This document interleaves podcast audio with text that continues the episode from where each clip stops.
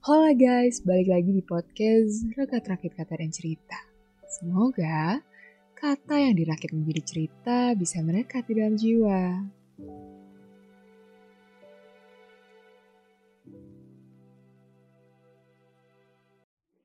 Holada, apa kabar? Gak kerasa, udah lebih dari 27.360 menit Anda meninggalkan saya.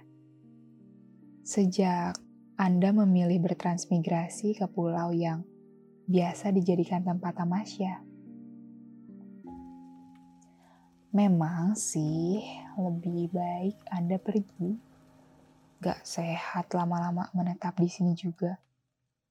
Tapi saya masih penasaran.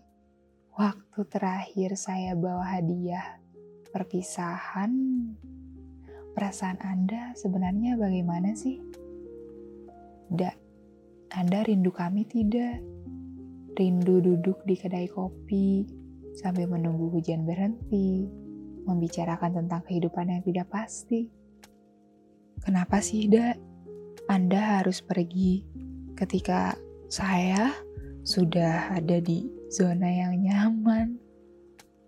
Ketika saya sudah mulai bisa menyamai maksud dan pikiran Anda.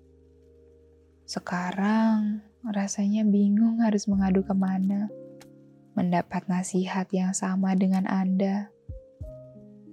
Banyak hal baru yang ingin saya ceritakan Misalnya tentang teman baru saya yang hampir menyerupai Anda.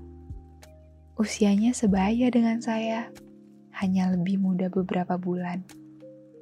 Dia menyerupai Anda, tapi ya memang jauh berbeda dengan Anda. Sedikit.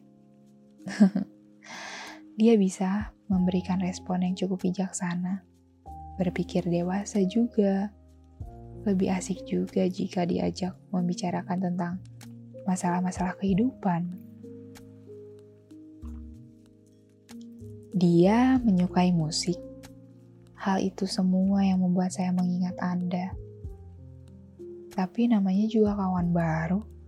Belum bisa cerita banyak seperti halnya saya pada Anda.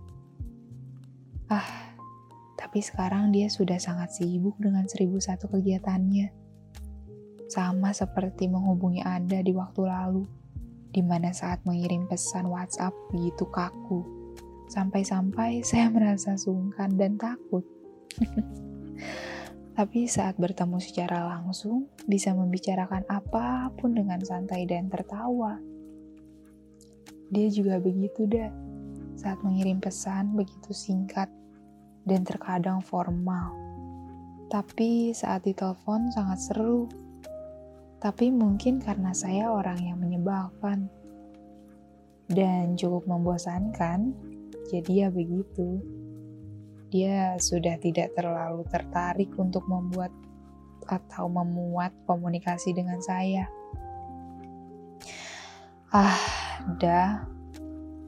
Rindu saya di mana Anda selalu bisa membantu saya untuk self healing saat merasa kacau begini. Banyak yang ingin saya keluhkan, tapi sekarang hanya bisa berbicara pada kertas Polaroid yang berisi foto kita berdua, foto kita bersama berempat. Doa yang terbaik untuk muda. Doakan saya untuk terus belajar mendewasakan diri ya.